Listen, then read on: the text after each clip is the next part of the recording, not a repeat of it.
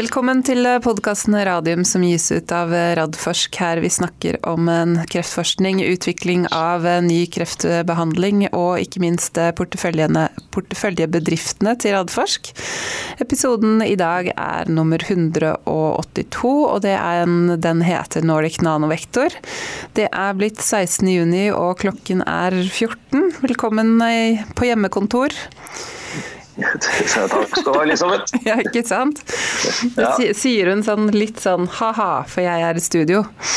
Ja. Men det er fint på hjemmekontoret òg. Ja da, det funker bra. Ja, så bra. Eh, alt er bra? Alt er vel. Ja. Det gjør det absolutt. Ja.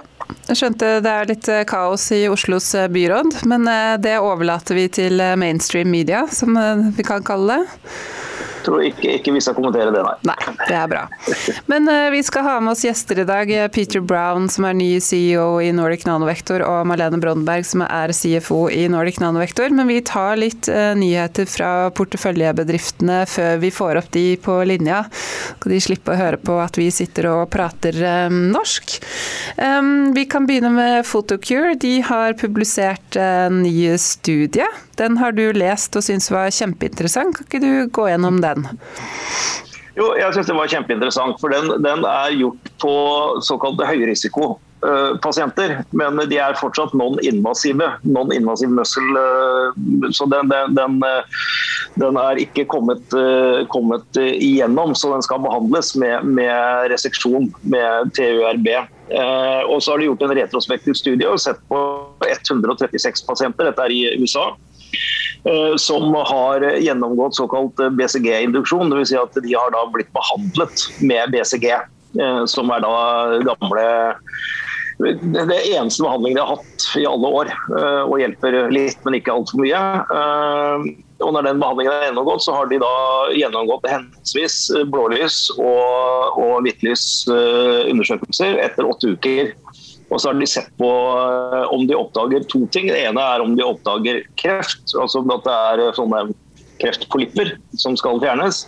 Eh, men de har også sett på om de ser såkalt karsinoma in situ. og Det er denne flate krefttypen før den blir polypper, som er enda vanskeligere å oppdage.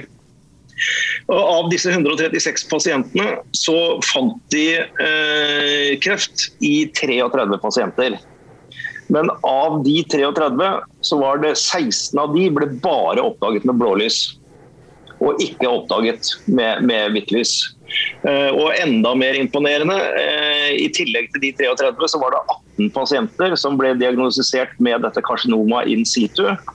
Og av de 18 så var det 12 som ble oppdaget bare med blålys, altså 67% Så dette er, eh, er en studie som igjen underbygger veien mot standard of care, som, som den er, er, opptatt av. Så dette er veld, veldig gode det er liksom konsistensen i alle studier som, eh, som blir gjort på blålys.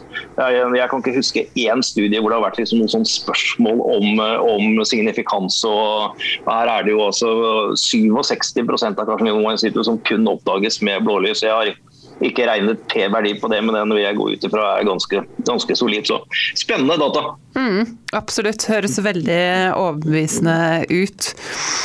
Um, da skal vi videre til uh, Targovax. De har jo sendt ut uh, en melding forrige uke om uh, to års overlevelsesdata fra mesoteliomstudien sin, der de kombinerer Onkos 102 med cellegift i førstelinjebehandling. Og da kan de jo vise til veldig god median overlevelse den er ikke helt eh, fastlagt enda, men den blir mellom 21,9 og 25 måneder.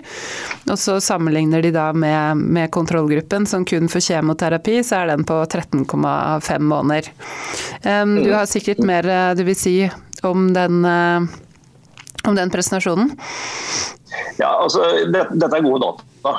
Uh, må huske på at dette er på veldig syke pasienter. Uh, refractory. Så, så, dataene i seg selv, ja i en, en liten studie, men, men veldig solide data, syns jeg. Uh, og så er spørsmålet hva, Hvilken nytte har man av disse dataene i den videre utviklingen? fordi det er klart Dette er sammenlignet med kjemoterapi.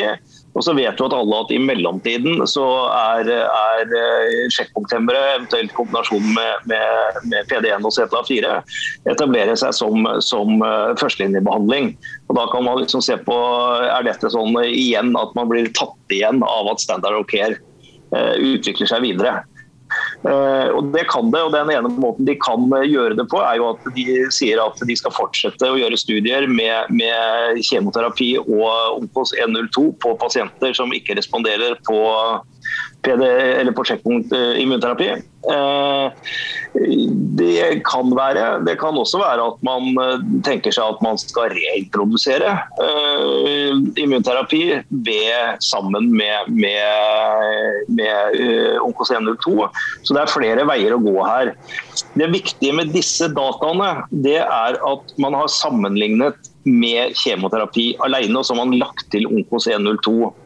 Og Når man får disse resultatene, så er det en god indikasjon på at Opus 102 gjør noe mm. i seg selv for pasienten. Og da å sammenligne f.eks. med overlevelsestiden på immunterapi, som det nå kommer studier på, det er, det er egentlig helt uinteressant. Fordi det, det, man prøver å vise, og det samme gjør vi med UV1 i Ulpavax, det er Vi starta med den som monoterapi, og så sammen med Z4, så sammen med PD1, og nå sammen med begge deler. Så dette er på en måte utviklingsløpet.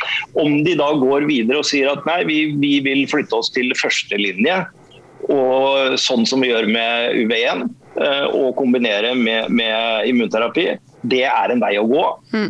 Det å bruke det sammen med kjemoterapi eh, etter eh, refraktære pasienter er en vei å gå. Og Det er jo disse, alle disse mulighetene som de nå diskuterer med Key Opinion Leaders. Men, men eh, vi, vi, bør vel understreke Elisabeth, at de har kun sagt foreløpig at de ser på mulighetene å kombinere med kjemoterapi videre, og ikke har sagt eksplisitt at de skal se på dette med immunterapi. Men jeg kan jo tillate meg å si at det ville jeg gjort. Så bra at du sier det, Jonas. Nå syns jeg du backer meg godt opp her. For jeg har jo tenkt å legge meg langflat etter en viss twittermelding som jeg la ut på fredag, der jeg tydeligvis ikke hadde lest den børsmeldinga godt nok. For det står jo i børsmeldingen eh, svart på hvitt at de, altså det de diskuterer med Key Opinion Leaders, er jo å se på bruken i altså der hvor eh, skjenkepunkthemmerne ikke funker. Mens eh, jeg, når jeg leste litt kjapt øverst der, så tenker jeg ok, men da gjør de jo som Ultimovax. Her går de inn og kombinerer med Iplilumab og nivolumab, og ferdig med det. Så ja. Så jeg må bare si eh, beklager til selskapet, og beklager til de som eh, eh, tok den for, eh, for god fisk. Um, og så vil jeg også si at de, Targovax har jo lagt ut to kjempefine videoer hvor de går gjennom disse dataene. En på norsk med Erik Digman Wiklund, sjef for forretningsutvikling, også en på engelsk med medisinsdirektør Magnus Gjedeberg. Veldig fin gjennomgang. Jeg har ikke sett den engelske, men jeg har sett den norske med Erik, og en veldig fin eh, gjennomgang, rett og slett. Så... Ja, jeg, er helt enig. Jeg har også sett den med, med Erik. og, og det, er, eh, det har bitt seg merke i er hvordan de prøver å vise, eller viser, eh, at de kan få en korrelasjon mellom immunresponser og forskjellige typer immunresponser og Eh, efficacy-resultater hos pasienter. Og Det er jo det som er, det er det de skal vise nå, at det er en korrelasjon. At Onkos 102 i seg selv hjelper pasientene. Og Så kan du da diskutere hva du skal kombinere med. Mm. Da blir det spennende å se hva de eh, lander på. Det får vi vite når de har bestemt seg. Det har vi skjønt, at man skal ikke mase på bedrifter som er inne, igjen, eh, inne i tankeboksen for å ta de riktige strategiske valgene. Men du, vi har også fått et lytterspørsmål om PCI som jeg tenkte vi kunne ta nå. Ja. Um, Spørsmålet er, kan man etter en vellykket fase 1 med tanke på sikkerhet og effekt se for seg at eh, PCI Biotech eller selskaper med vaksiner kan ta Fimavac direkte videre til en fase 2 pivotalstudie? Ja, Det er jo et veldig veldig interessant og godt spørsmål. Eh, svaret etter min mening er ja. Det finnes mange muligheter. Eh, nå har de vist eh, at eh, det å bruke Fimovac-teknologien ikke har noen TOX-problemer. og Det er jo det aller viktigste.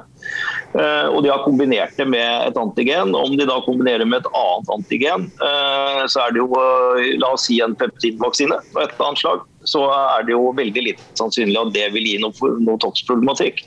Jeg ville tro at man kunne komme til enighet med myndighetene eh, om å gjøre en, eh, kanskje en eh, tre-fire pasienter eh, med den kombinasjonen de da eventuelt velger, med, med, et eller annet antigen. Bare for å få bekrefta dette med toksen. Det, det, har vi gjort på, på Ultvaks også tidligere. Og så da Etter tre-fire pasienter så går man direkte over i en fase to-studie.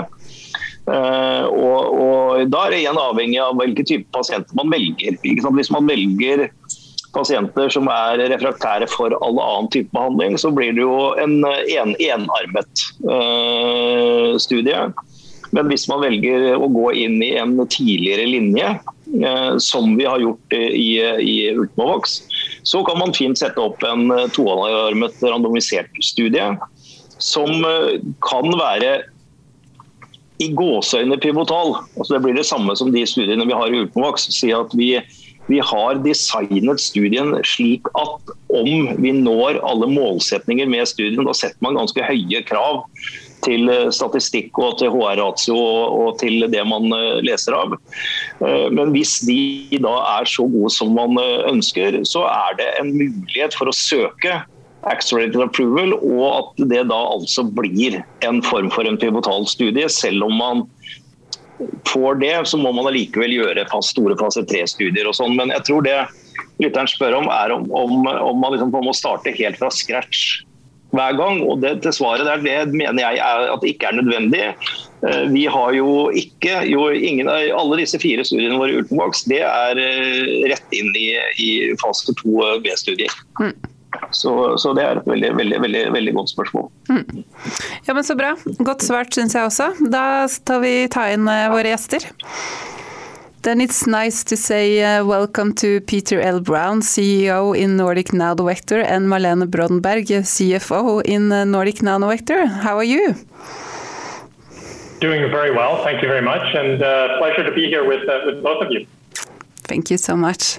Uh, I hear you have a heat wave both in Basel and in London, but uh, you're you're coping with it.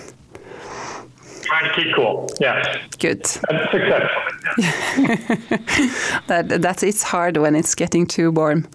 Um, it's uh, great to have you here with us, uh, Peter. And since this is your first time as a guest in our podcast, may you please give us and the listeners an introduction to yourself and your background, please? Okay, absolutely. Um, for, for, those who, who didn't listen in on, on the Q1, um, I'll, I'll, go through the introduction. For those that did, my apologies, you have to listen to this again. But um, no, I, before going into my career, I, I could maybe give a little bit of background as to who I am. Uh, as you can hear from my accent, I'm a U.S. Uh, citizen, um, but have lived most of my life outside the U.S. My mother's from Argentina and, and grew up in, in multiple different uh, cultural environments when I finished university, I, I was very fortunate uh, enough to have started with an organization such as Roche, where I stayed for, for almost 30 years. Um, I rose within the leadership ranks uh, there and had really the opportunity to, to learn from, from the best uh, in terms of the various dimensions of uh, oncology, uh, ranging from commercial to development uh, to, to access. Um, I think one of the most relevant roles that I had while I was at Roche, uh, particularly looking at, at Nordic Nanovector, is um, a role called lifecycle leader. Um, and I was lifecycle leader for uh, Herceptin and briefly for Tarceva as well. Um, and the lifecycle leader's role is essentially to, to lead a multifunctional team, and that ranges from commercial to medical affairs to clinical development, manufacturing, everything that needs to be done to make that product uh, a success in the clinic and in the market.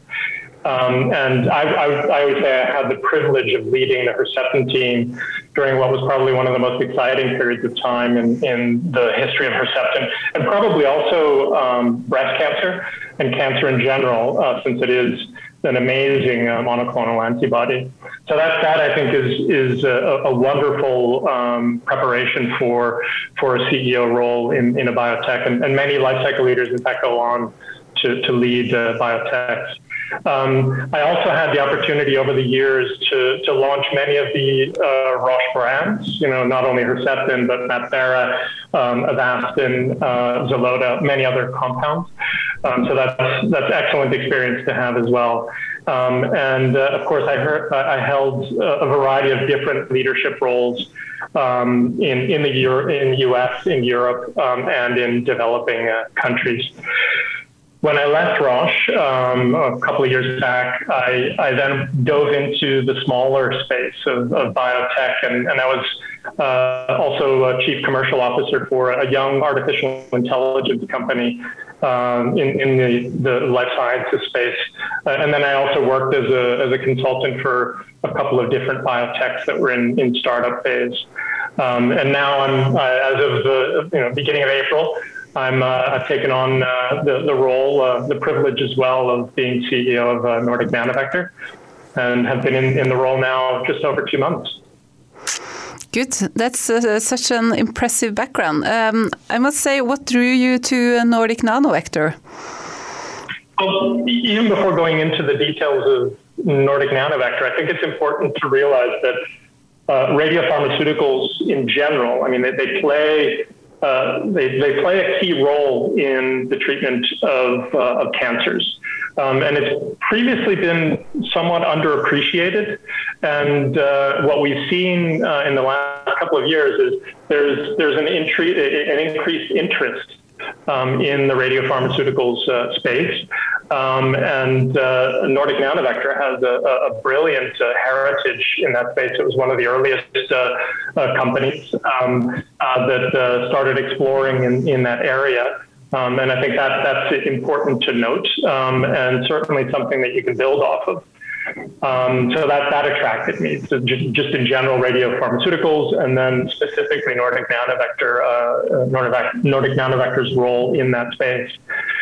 And then if you look at Betalutin, um, Betalutin uh, is it's not only one of the more advanced uh, and, and most attractive uh, compounds in clinical development that fit into the radiopharmaceutical space, it also has data that's quite compelling um, and, and compelling within the space of non-Hodgkin's lymphoma and more particularly in, in the space where we'll be uh, going in first, which is in uh, follicular lymphoma. Um, follicular lymphoma, as you very well know, is a disease that is it's a slowly progressing disease in elderly patients. So these patients tend to be patients who are not only suffering from uh, a cancer diagnosis, but they're frequently also suffering from other conditions that elderly people suffer from. Um, and if you look at the first, second, third line progression, uh, you'll, you'll see that you know in the later lines of therapy, third line, uh, most patients, in fact, we estimate about 70% of patients uh, in the follicular lymphoma setting, third line, they tend to be elderly and frail. So what you see then is that many of the newer compounds, and, and even in some cases some of the older therapeutic options, they're great for younger, fitter patients. But the older, frailer patients, they probably won't benefit as much from these very real clinical um, advances, simply because they won't be able to tolerate uh, a number of these these uh, these new approaches. And that's actually where where Betalutin sweet sweet spot is. Um, it's it's ideally suited for uh, patients that, that are unfortunately in uh, that, that setting of being elderly and, and frail. Um, and it has the added benefit of, of being a once-off uh, therapy. So you one shot and, and, you're done. So th- those things are, are, are, interesting to see. And of course, the safety uh, uh, profile is, fits in very, very nicely with that. So those are some of the things that, that excite me about Nordic Nanovector and, and, and Betalutin uh, more, more specific. Mm. Thank you so much, Peter. Um, Jonas, I would like to have you in, in the, into the conversation. Uh, what, I mean, you are very much excited about the radio pharmaceutical field as well, I know. What's, uh, what's your comment here? Well, I, I, absolutely agree with with uh, Peter. I think uh, this part of, of uh, new oncology treatment will absolutely have a very, very strong place and spot in, in in the treatment in the in the years to come. And we also see that it's uh, absolutely growing interest from uh, big pharma companies uh, who's uh, more and more into, uh, into this. And, and we also see actually when we talk to international investors that they are also more and more interested in, in in this field, and I think that could also benefit companies like like Nordic Nanovector and Oncoinvent and our new company Nucligen. So it's it's a major uh, air focus area for us in in Radforsk is one of our four main main focus areas is uh, radiopharmaceuticals. So um, I absolutely agree with with Peter and uh, and I think uh, and I hope Peter is right right right first in the in, in, the right place at the right time. And I, I really think so because they are really moving Betalutin out to be to become a, a treatment now, and uh, it's how you do that. That uh, if you do that right, then you make a lot of money for your share shareholders. And uh, as an investor from Radforsk, I'm of course interested in that. So I'm really looking forward to and I'm uh, looking forward to also hearing uh, Peter and uh, talk more more about how uh, things are progressing with with Betalutin. Absolutely, no, and I couldn't agree more with you in terms of the the interest in the clinic, and then also some of the larger uh, pharma players, uh, as, as, you said already, Novartis has already made two significant investments um, in, in the space. And, and what we've seen as well is uh, other pharma companies have entered into uh, strategic partnerships or alliances as well with uh, with with radiopharmaceutical uh, companies, and I think there will there will be more to come uh, in that space. Yeah. Hmm. yeah. Good. Before we move over to the to the highlights for the QN, may I ask you what your ambitions for Nordic Well, I think, I mean, let's not forget um, the, the, the, paradigm trial is, is simply the first step into uh, the clinic um, in the commercial uh, space. No, so, and, and, third line is, is a relatively uh, speaking, relatively small uh, segment, but uh, what we see uh, Betalutin doing further on is going into, you know, the second line setting because even in the second line setting, uh, elderly and frail patients still represent about 50% of, of patients.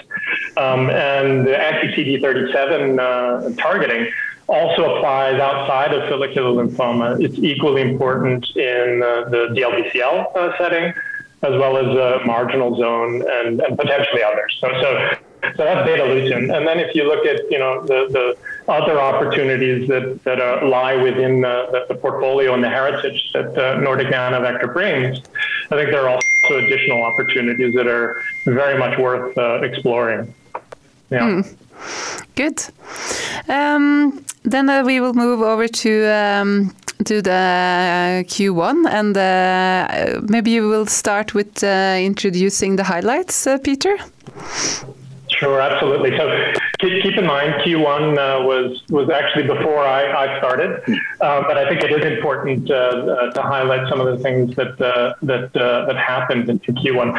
Um, and here's the first one: is actually Malene's work, and that is.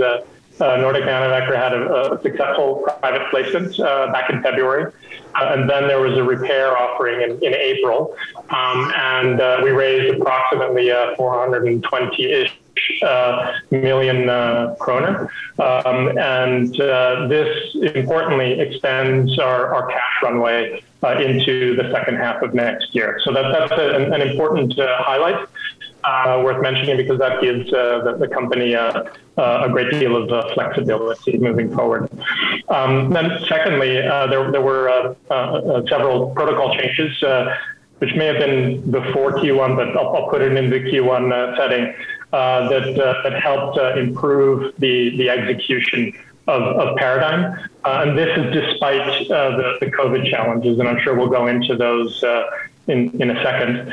Um, and then lastly, we we had promising uh, phase 1b uh, data from the Archer 1 uh, study, which evaluates Betalutin um, in, in use in combination with, with the mainstay rituximab in the second line follicular lymphoma setting. So quite a lot to happen in Q1. Mm, good, great. Malene, do you have anything to add from your side? Um, no, I think we just a, um, as Peter said, COVID is still a um, is still very much there, and uh, we I think we're just trying to do everything we can to to get things going as fast as possible and spend as little money as possible. Of course, we do need to spend money because to get it going as fast as we can, but just spend them on the right uh, hmm. Absolutely. You have to invest some money also. That's uh, very uh, important. Um, I was very impressed with your achievements in the in the first uh, quarter, but um, the market uh, did not react as positively, and I think this was probably due to the patient inclusion in Paradigm of uh, 10 patients from late February to late May. And as of May 25th, you have enrolled 83 out of 120 patients.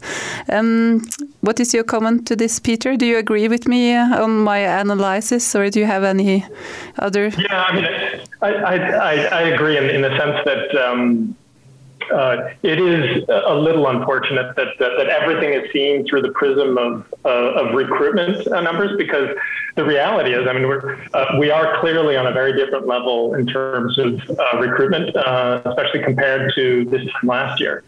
Um, and, you know, a lot has happened to, to get us to that level. As I mentioned uh, previously, we've done two protocol amendments, which, which actually allow for more patients to, to be considered for inclusion. Um, we're, we're working very closely uh, together with our, our clinical research organization and, and other partners.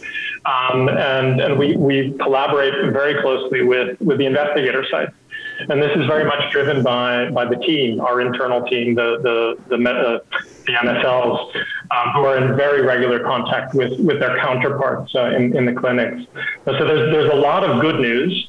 Um, and if you look at the, the recruitment uh, numbers from Q1, um, given that we were in pretty much full COVID lockdown. Um, it's it's uh, we're actually we actually consider that to be a, a, a good performance um, uh, to be able to deliver those numbers despite uh, the, the, COVID lockdown.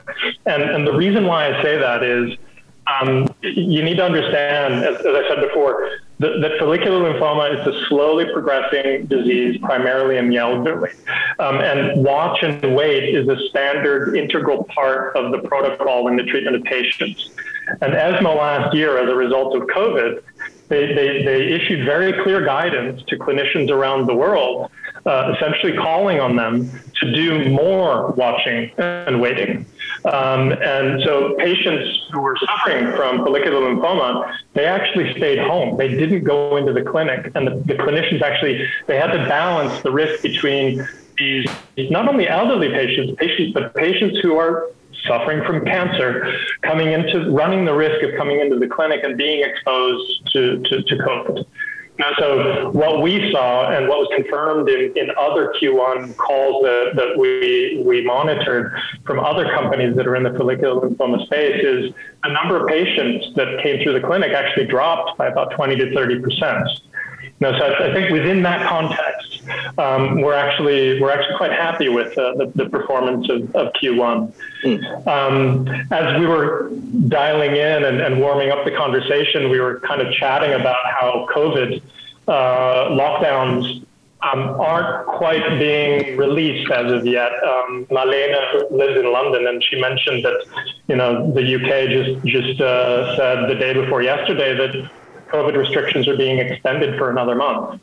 No, so that that of course continues to have a, a, real impact for not only you know restaurants and bars and, and stores, but much more importantly in the clinic. Um, so the, the, the, flow of patients in the clinic will will continue to be uh, somewhat um, at a lower level, um, and and let's not forget that you know after more than a year of COVID lockdown many clinics, many cancer clinics, they not only need to um, come back into the, the rhythm that they had prior to COVID, meaning just the standard protocols and getting the backlog of patients worked through.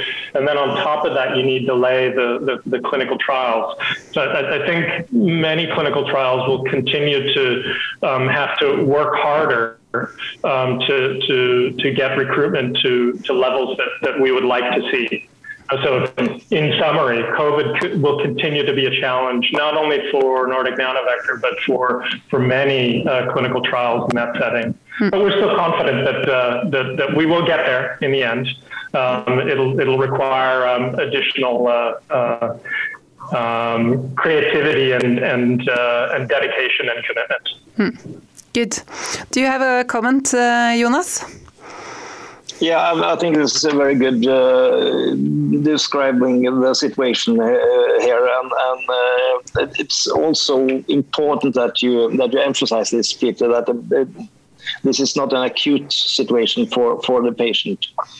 Uh, but then, then again, there will there will be a backlog of patients that really should start the treatment and are waiting for the, to get into treatment and into the clinical trials, and and then again, when these patients are fully vaccinated, uh, that, that, will also change uh, change the situation. But when it will happen, well, it's suddenly because we got a sort of a catch-up effect. Uh, uh I'm not sure when, when it will come, but I'm, I'm pretty sure it will be there.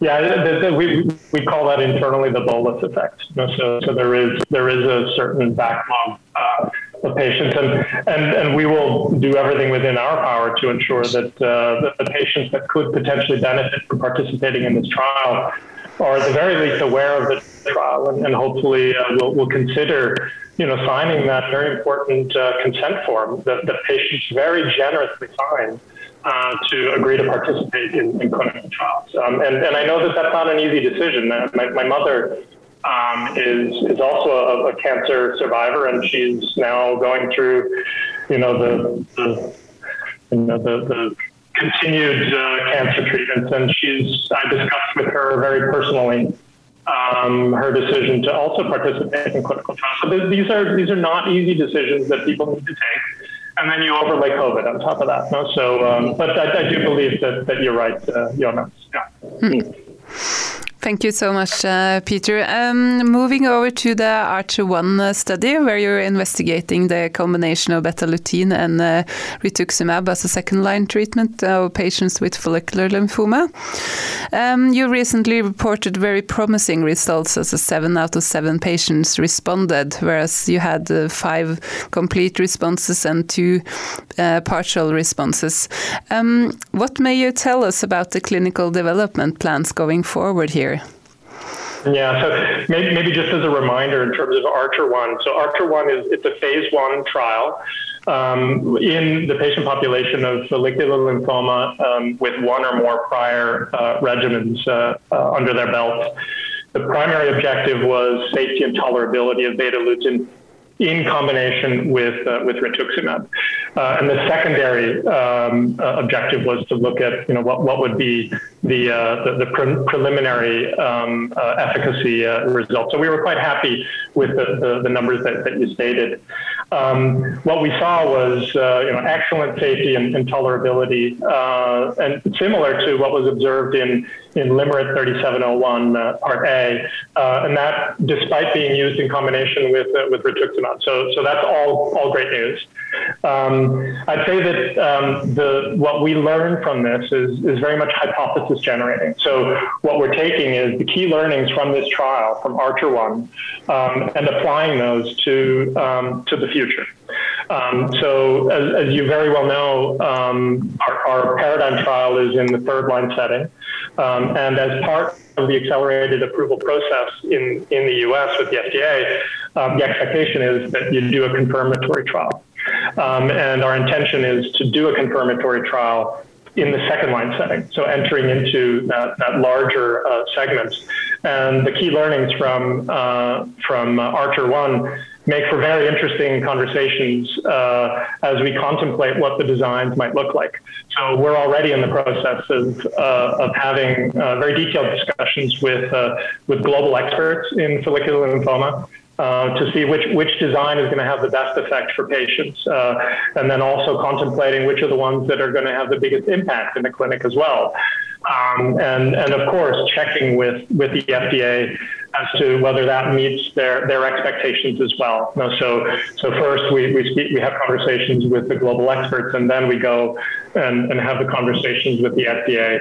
And then we start the process of, uh, of finalizing that design and then, and then rolling it out. Uh, all, of course, assuming that, that Paradigm uh, would, would read out uh, uh, positively. Hmm, good.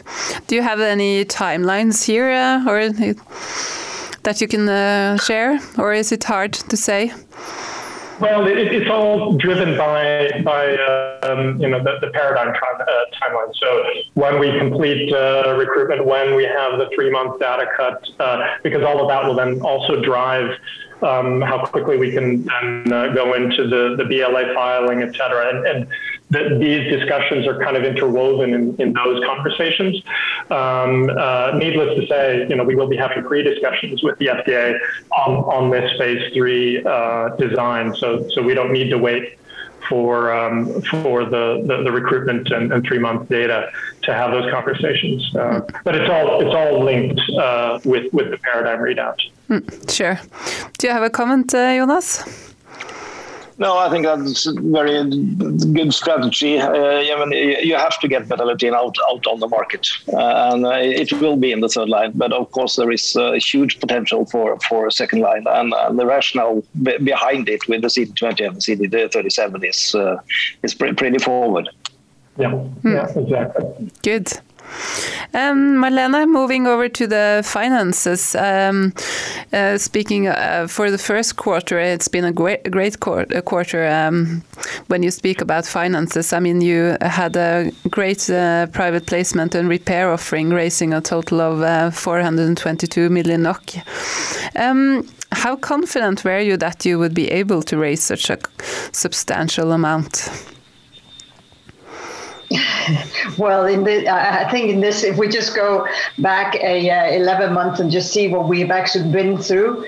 Uh, so, like we started uh, last summer uh, when we when we did the prospectus and leading up to the financing round in the in September, and then of course in the meantime you also had to do the Q reports and and then to then to go into another financing round again in February and new prospectus and a Q4 report and to top that up even with a with the annual report that needs uh, that had to be written. And then of course we had the repair issue. So yeah i think it's been a it's been a quite a crazy year. And, and for those of you that, that oh, some of, of our shareholders also know that unfortunately in the middle of the of the whole thing in November last year was also called out in the middle of the night of where I used to live uh, because uh, the building was burning. So I lost my flat and 85% of my belongings. So it's just been a crazy year. So I would say, can we be confident about anything were we confident?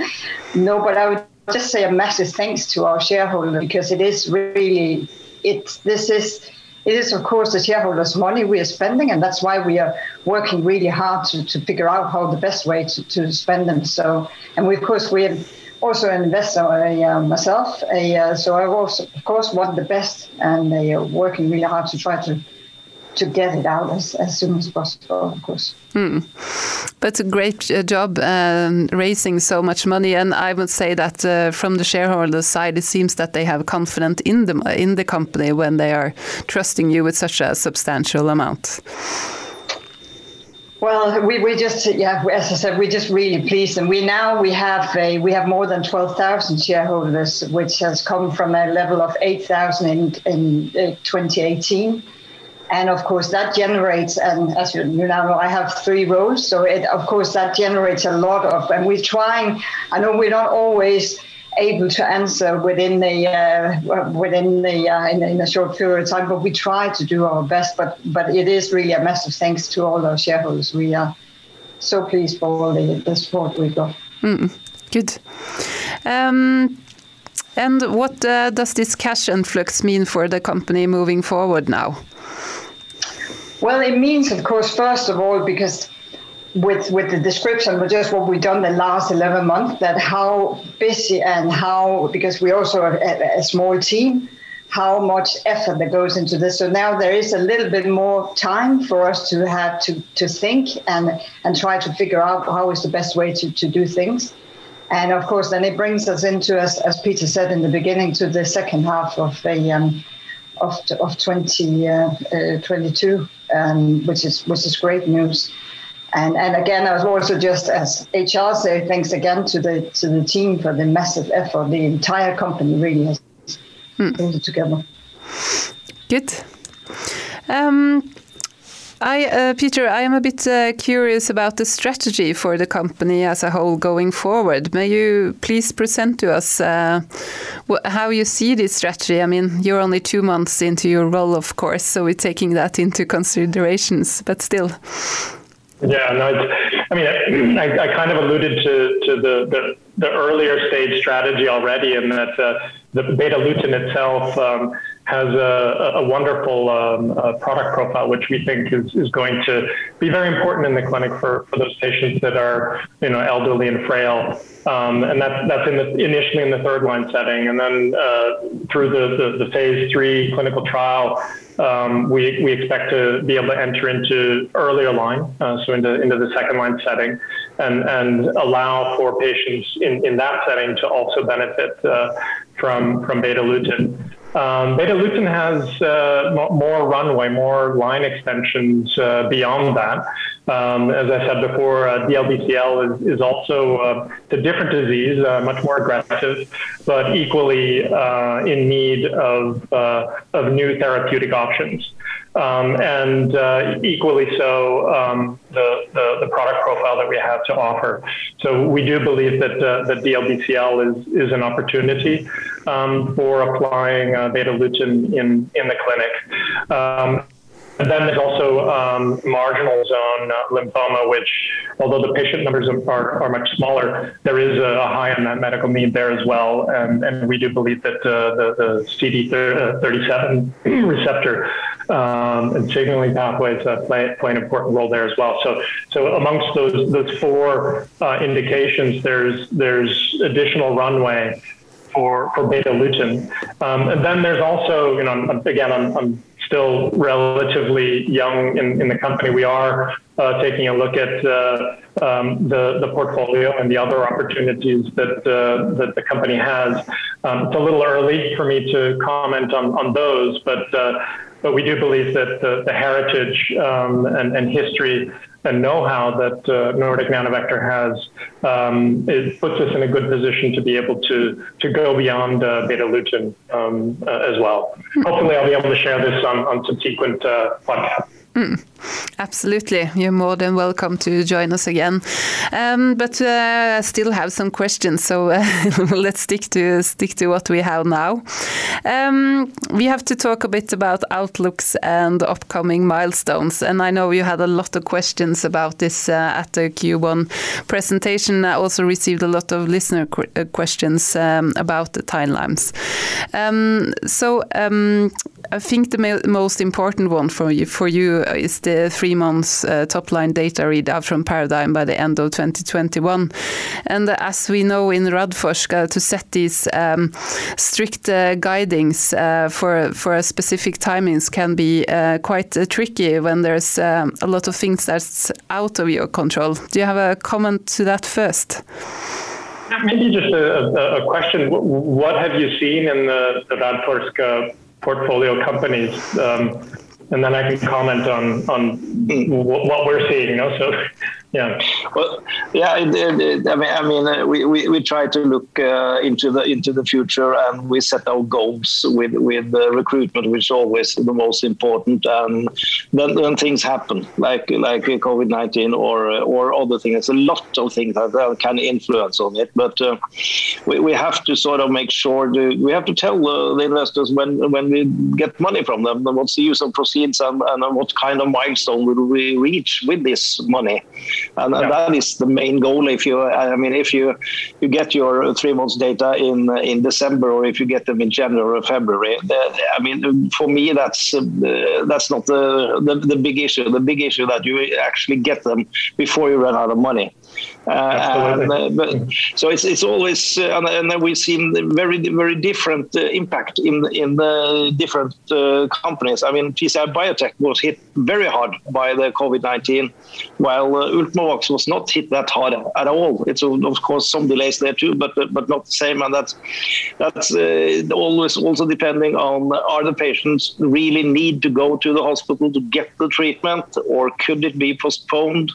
and it's it's a it's very difficult uh, actually. So so uh, I'm always trying to tell the, the investors that I know the companies are really doing whatever they can to to get up to speed, and and then we will have to have some patience with the exact timelines. And uh, so yeah, yeah, no, I, I, I think what, what you just said pretty pretty much summarizes our situation. And coming back to the financing, I think that's where the, the work that Malene and the team uh, did in Q1 to ensure that we have a longer uh, runway you know, into the second half of next year. I mean, that that that gives us uh, the, the, flexibility to ensure that you know the, the job gets done. And and as you said, you know, in, in the bigger scheme of things, a, a specific date um, is, is not going to make that much of a difference. The important thing is that that we have the, the recruitment uh, numbers, you know, up to the level that that you know is is well within reason and well within the financial means that, that we have as, as a company. Um, and I think we, we're, we're confident uh, with that. Um, I mean, we, we, just just to be clear, we are of course laser focused on, uh, on on paradigm and doing everything that we can and focusing on the things that are within our control. There's a lot that's outside our control. What we can do is focus on you know what else can we do to to address the challenge um, in a more creative fashion.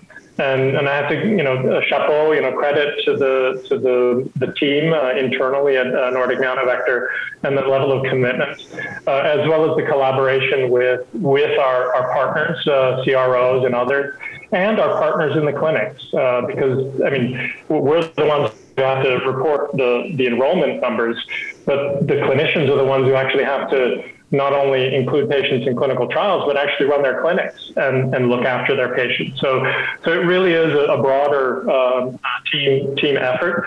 Um, we've learned a lot. Um, uh, over the last uh, year, if not longer. Um, and being really close to the clinic is, is important. Uh, being able to answer, you know, critical questions 24/7. You know, being on the phone and and addressing the challenges and issues that uh, that the clinic have. Um, a nice example is uh, um, what we've learned um, uh, since having uh, started Paradigm, not only in the COVID situation, is um, as, as, you know, follicular lymphoma is treated in the periphery or in the community setting. Um, and clinical trials tend to be run out of investigator, uh, you know, specialized uh, centers. So you're in a situation where the bulk of the patients that you want to have included in the trials are not necessarily being treated by those that are running the trial. So the relationship of that investigator with the local community hematologist in the periphery, uh, in the community, is, is important. So we've actually not only provided um, support, but actually helped uh, investigators in their outreach to their colleagues, uh, the hematologists, and, and that has actually uh, resulted in, in additional patients being being forwarded to the investigators uh, for consideration and then ev- eventual inclusion in clinical trials. So those, those are just some examples of the, the, the type of work that uh, that is being done to, to support the clinicians in, in their endeavors. Yeah. Mm. Yeah. Good. Um, do you have a strategy or communication strategy for when you will inform the market if you during the fall 2021 see that you are way behind including the 120 patients? Yeah, so I mean, as, as you know, we're, we're a, a publicly uh, quoted company and, and uh, we have an obligation and a responsibility to, to inform um, if, if the outlook uh, changes. So uh, if the outlook changes, we will then, of course, uh, be issuing that, the, the corresponding uh, guidance. Um, Malene, since, since you're driving communication, you want to add anything or, or are you no, comfortable no. with that? Yeah, okay. no, I, yeah, no, nothing to Good. Uh, what other milestones should we keep an eye on then? Well, I kind of referred to one of the milestones earlier, and that is uh, DLBCL. So, uh, what was communicated uh, previously was that uh, we, we would be sharing uh, you know, DLBCL uh, data. Um, and once once we do that, and that we expect to do that within the first half of, of, of this year. So you can do the math, um, and uh, we we're, we're excited about uh, the, the, future outlook of uh, what that might lead to. So uh, again, you know, it, it'll be hypothesis generating. Um, and uh, we, we, look forward to, to, giving some, some guidance in terms of what that might mean uh, for Betalutin and, and other compounds in, in the near future. Good. Jonas, do you have a comment before we move over to the listener questions? No, uh, I'm just looking forward to, to, to this data, and, and, I will just emphasize what what you talked about with with uh, what you tell the market. You, you, you, are obliged to, to tell the market if you're not on track. So if you don't say anything, you're on track. Yeah. That's uh, good Good to know. So we have several uh, questions from from the listeners. So first, uh, warm thank you for sending these in. Uh, first one: is there any other drugs on the market or any other drug in a trial with good chances to enter the market that can make any hurdles for how fast Betalutin can come to the market? Can, for instance, the confirmatory trial for Bayer's copanlisib for monotherapy in relapsed follicular lymphoma make any hurdles for how fast Betalutin can come to the market? Okay. Yeah, in terms of if you look at the the landscape of, of clinical options that are available today or in the near future uh, for clinicians and patients, um, you'll see that many of the newer compounds and many of the older ones as well, that they they're well suited for uh, patients who are still fit and and and oftentimes young. Um, if you look at the patients that are more frail and, and elderly and have other other comorbidities, um, there aren't many options, and, and that's why uh, is, is, uniquely positioned um, uh, for for that segment. Um, there there are other other compounds that uh, that may start bleeding into the, the frail elderly, uh, but the bulk of those patients um, uh, won't be able to use many of those newer compounds, unfortunately. Unfortunately. And the next uh, question is on recruitment. We will take one question on this. And um, how is recruitment going? Are you still sure it will be finished as estimated, or might it take longer than expected? Yeah, so I mean, as, as you stated, the number that, that was quoted uh, back on the 26th of May, which was the number from the 25th, um, we had 83 uh, patients included, and and our, our policy is to to share those on a quarterly basis. So I won't really comment in terms of where we stand uh, now. Uh, but I mean, we, we had a, a, whole conversation in terms of, you know, some of the things that may work in, in our favor, uh, you know, patients coming out of COVID lockdown, uh, this bolus effect, um, as well as, you know, these continued lockdowns. And uh, and yeah, we'll, we'll, continue to focus on those things that uh, that that are still within our control to try to address some of those challenges that that we continue to have. Mm. Good. Um, here's a financial question for you, Malene. Where and how are you planning to get money for the next years to come as you guys only have cash for a year right now? How about getting listed in the US? Of course, that that's a that's that's a question that we quite often get, and I think that's a, of course that's a question for the board really because uh, it is of course an a uh, and, and an interesting option. There is a lot to work to. It's it's not a quick fix to do that. That's but, yeah, and the market, of course, that there is that it's a different market. They um, so um, yeah, hmm. but uh, interesting. Hmm. Good. I think maybe that question comes up since uh, one of the other Radforsk uh, portfolio companies, Vaccibody, has uh, guided on that they might might get listed in the US. Um, next question.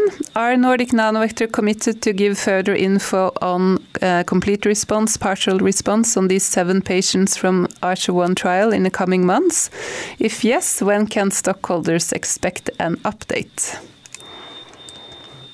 Um, I, I, guess the best way to answer that is, uh, you know, uh, we, we are a publicly quoted company, and, and we'll share that that data as uh, as uh, as it becomes available. Malene, I don't know if you want to comment on that. No. No, no good.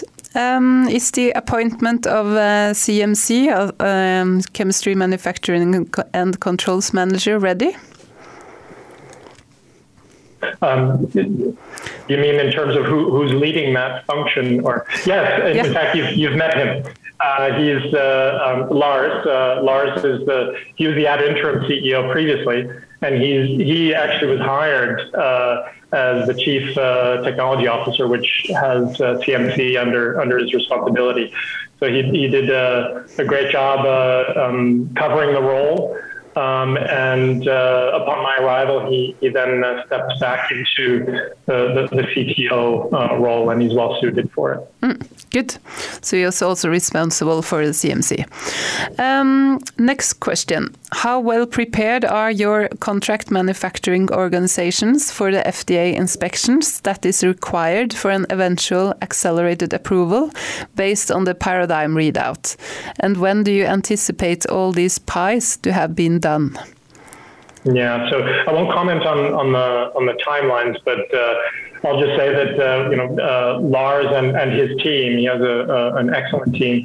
We of course are working extremely closely together with our our uh, contract manufacturing uh, partners, um, and and we're confident that uh, that we're in a good place not only for the the eventual filing, but also for for a commercial launch. Hmm. Yeah. Good, thank you. Um, when do you plan to launch your American sales organization? Delays in this uh, area are obviously costly on the revenue side. Yeah, so I guess there we, can say you know that that will be driven by by the readout, um, the timing of the readout for for Paradigm, um, and we are of course you know, doing uh, even before my arrival, there were preparations for, you know, what would it take for successful launch in the U.S. So we have plans, which, as, as for anyone who's done strategy, it's, it's, an iterative process. So each time you go through it again and again, you, you further refine, you, you check your assumptions, change things. So we, we, we're doing that um, on an ongoing basis. Um, and as we approach the date, we'll then uh, we'll then begin to to do what's necessary, uh, build out whatever team we need uh, to ensure that we have not only a successful launch, but uh, maybe more importantly, ensure that the patients that can benefit from from this uh, from Betalutin uh, will in fact have, have access to to Betalutin. Mm. Of course, thank you. Um, how has the interest in Betalutin as a 177 lutetium drug changed after the Novartis acquisitions? So the change in interest. For, yeah, I can repeat. Sorry. How has yeah, the in, yeah. how has the interest in Betalutin as a lutetium 177 drug changed after the Novartis acquisitions? Hmm. That, that, actually predates my arrival. Um, what I could, I mean, I can, I can hazard a, a guess, and that is, of course, uh, if, if Novartis uh, has shown interest uh, in, in a lutetium uh, uh, radioimmunotherapy compound, that of course makes it interesting for any any companies that, that have a similar similar compound. Uh, Alina, maybe you can comment on that. No, I, I, guess, of course, if you uh, we've had questions from uh, from investors who's also followed this closely, and they uh, and you could see some of the uh, the investors in the in some of the companies at that point are, are, the same. So of course, they are interested in the same space, which is of course uh, interesting. Um, and, and, and as you know, we, we try to target the investors. So we, we know exactly who we, when we, let's say we have a roadshow in the US, we, we know who we, we really like to see, whether we're going to see them. That's of course another thing because uh, some of them are pretty big and we're not there yet uh, um, in terms of uh, um, fully up the, the data and everything. But yeah, there is of course uh, that height the, uh, the interest, of course. Mm. Good, thank you. Um, can Betalutin be considered a theranostic drug, and shouldn't buzzwords like this be used more in the branding of the product? And here, I think maybe it's um, maybe you can ex, uh, explain the term theranostic. I don't think it's that's a common common word. Yeah, so I'm, I'm here. Here, I'm. Uh, I might be going a little bit out of my depth, but uh, the way I see ther- theranostics is, of course, there's this combination of uh, therapeutic and diagnostic. So, so a, um, a radio-labeled uh, compound that, that has a therapeutic application could potentially also be interesting from uh, a diagnostic uh, perspective. Um, and, uh, and, and if I understand correctly, Betalutin also falls into uh, into that that category. So um, so it is it is a valid uh, a valid comment. Mm. Mm-hmm. Good. And then uh, it's the last uh, question. So, listener who would like to know uh, whether you, Peter, thrive in Nordic Nanovector and whether you have found yourself at ease in the company. No, I have to say I've, I've been uh, welcomed very warmly uh, in the organization. Um, and, and that's despite uh, the, the, fact that, you know, I, I, actually have not met most of the company. Um, my intention was to actually spend my first day in my new role in Norway. Uh, unfortunately, I haven't been able to set foot in Norway, as, as the two of you very well know. It's it's not possible for me to actually step foot in in uh, in the country. So the only colleagues I've actually physically met are those that are co-located here in, in Switzerland. In fact, Malene and I have not uh, have not met. Um, so COVID hasn't made it easy, um, but uh, but I was nevertheless uh, welcomed very very warmly and uh, and uh, yeah, I, I, think that that speaks uh, volumes for uh, for the Norwegian culture as well. So uh, yeah. Good to hear. The, the, the, good news, Peter, is that uh, as of yesterday, when you get your, your vaccine and, and uh, the, the valid passport, you can now come to Norway without quarantine. Ah, that is excellent news. I was not aware of that. Excellent. Yeah, it was only yesterday. Okay, great. Good. Great. Mm, so you can uh, we can end this session and you can go and book your flight, and then tomorrow you'll say hi to all your exactly. colleagues. no, but uh, thank you so much, uh, Peter and Malene, for joining us uh, and for uh, uh, answering all our questions. And best of luck. Um, going forward, it's going to be a very exciting fall for you, and we are crossing our fingers. Yeah. Right, and as, uh, as you would say in Norway, uh, tusen takk. Vær så god. Tusen, tusen takk for at dere må lede. Takk skal dere ha. Bye. Thank you. Okay, thank you. Bye. Bye. Bye. Bye.